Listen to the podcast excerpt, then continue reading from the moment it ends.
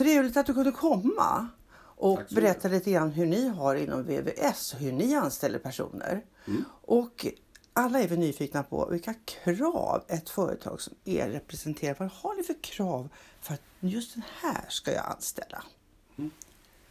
Ja, de, de kraven vi har är väl eh, mycket på det sociala. Social kompetens, B-körkort är viktigt och du har en godkänd VVS-utbildning. Det är kraven. Men i övrigt då, säg så här, du har en person som kommer in och de har precis allt det här du säger. Eh, funderar du inte mer, du väljer kanske, om det är två nu, precis likadant. Vilken väljer du av de där två? Då, vad beror det på att du väljer just kanske en av de här?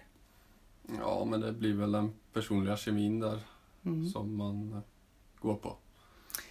Hur har ni det på företaget i övrigt? Kan man komma in som någon lärling eller så och jobba hos er? Mm.